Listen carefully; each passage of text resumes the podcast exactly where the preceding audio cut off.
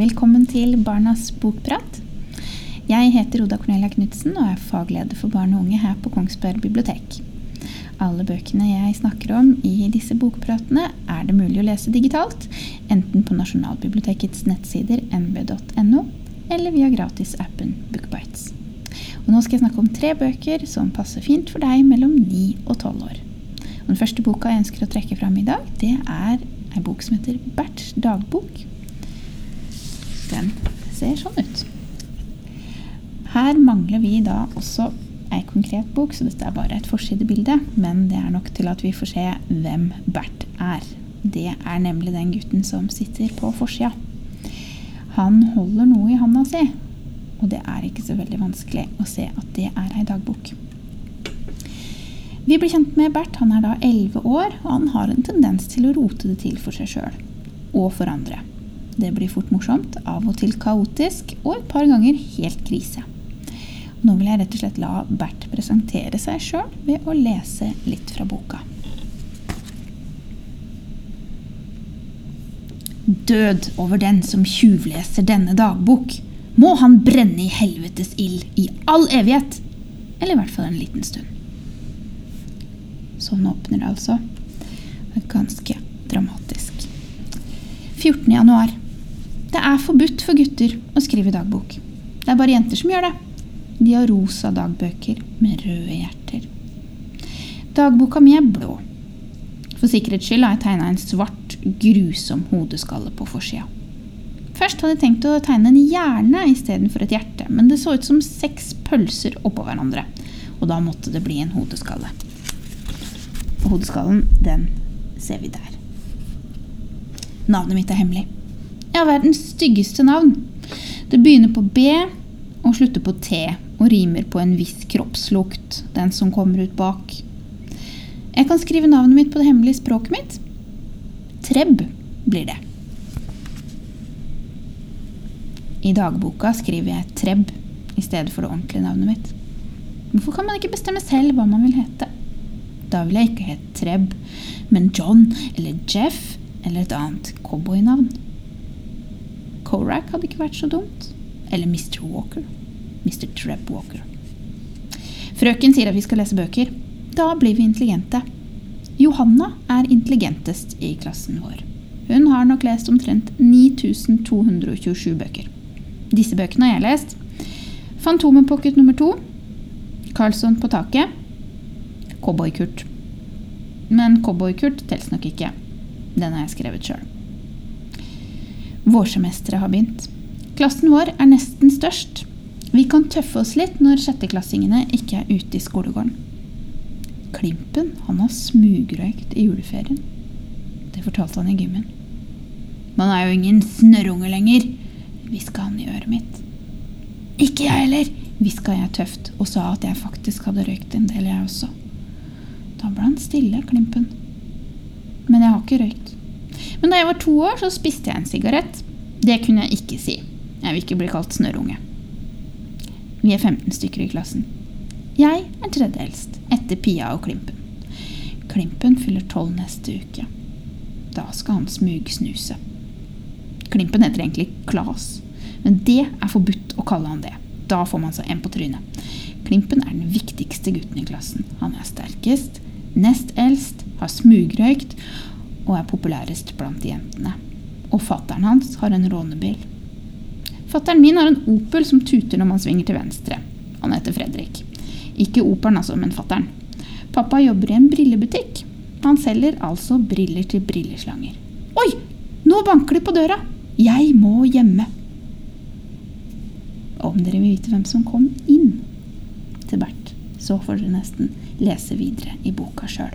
Da finner dere også ut hva som skjer videre med Bert og familien hans, og Rebekka, som han er så forelska i, og Klimpen og alle de andre i klassen.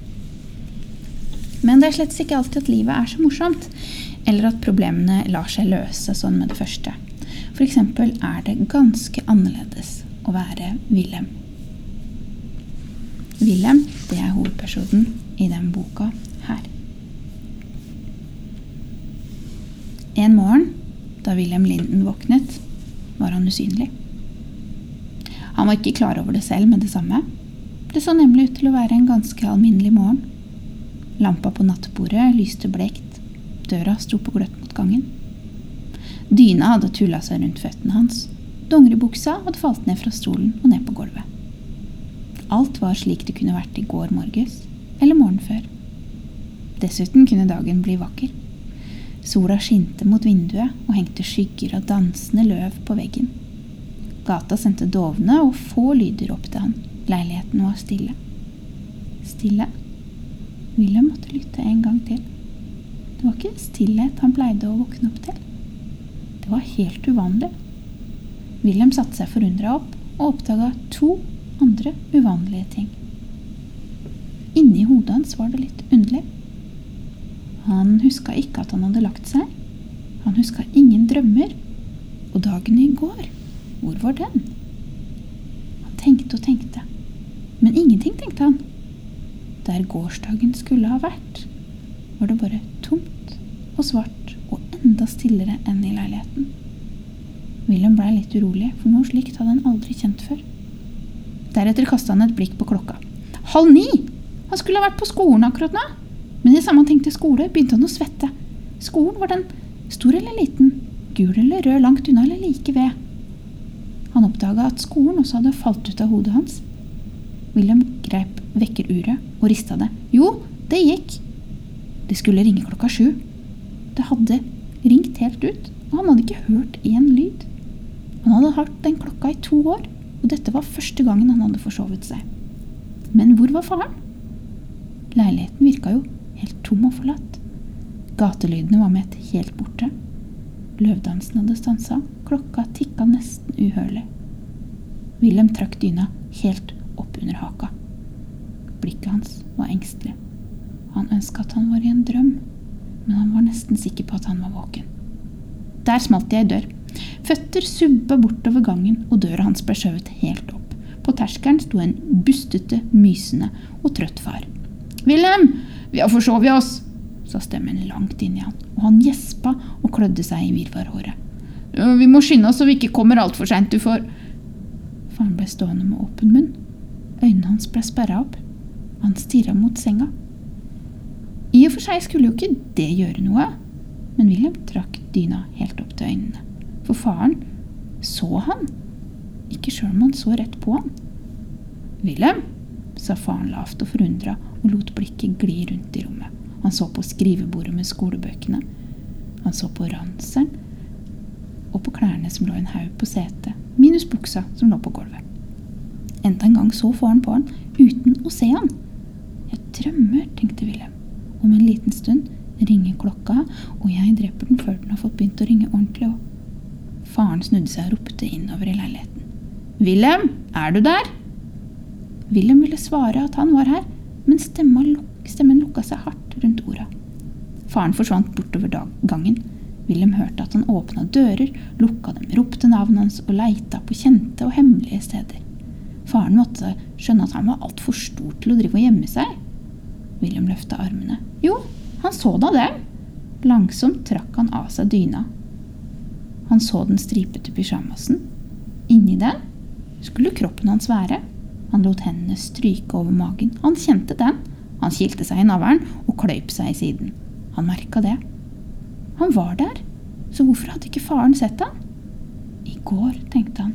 Det har noe med i går å gjøre. Men hodet hans var fortsatt mørkt og tomt og helt stille på innsida. Svetten brøt fram igjen. Hjertet slo litt raskere. Hva var det for noe fryktelig som hadde hendt i går? Det var litt fra første kapittel av 'Dagen som forsvant' av Tormod Haugen. Jeg lurer veldig på hva som har skjedd med Wilhelm. Tenk å våkne opp slik en dag og være helt usynlig. Hva hadde du gjort da?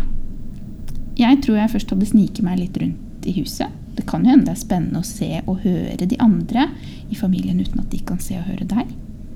Men så, når ingen virkelig ser eller hører deg, da hadde jeg nok blitt ganske redd. Å være helt usynlig, sånn som Wilhelm, er vel nesten det samme som ikke fins. Hvordan kan det noensinne bli bra igjen? Jeg håper at du, hvis du fikk lyst til å lese boka, klikker deg inn på nb.no og fortsetter med første kapittel. Astrid Lindgren er helt sikkert en forfatter du har hørt om før. Hun har skrevet veldig mye forskjellig, fra Ronja Røverdatter og Pippi Langstrømpe til Brødrene Løvehjerte og Per Pusling.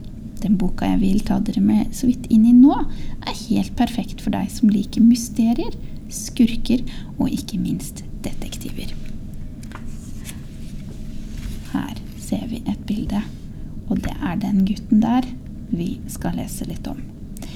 Han heter Carl, men han vil så veldig gjerne bli kalt mesterdetektiv Blomkvist. Og det er tre bøker om mesterdetektiv Blomkvist. Boka er jo litt gammel, så du vil nok merke at ting tar litt lengre tid her enn i bøkene om Lasse-Majas detektivbyrå og om Tiril og Oliver i Detektivbyrå nummer to. Men den er veldig spennende likevel, og minst like skummel. Blod. Ikke tvil om det. Han stirra på den røde flekken i forstørrelsesglasset. Så flytta han snadda over i den andre munnviken. Klart det var blod. Det er gjerne det som kommer når en skjærer seg i tommelen.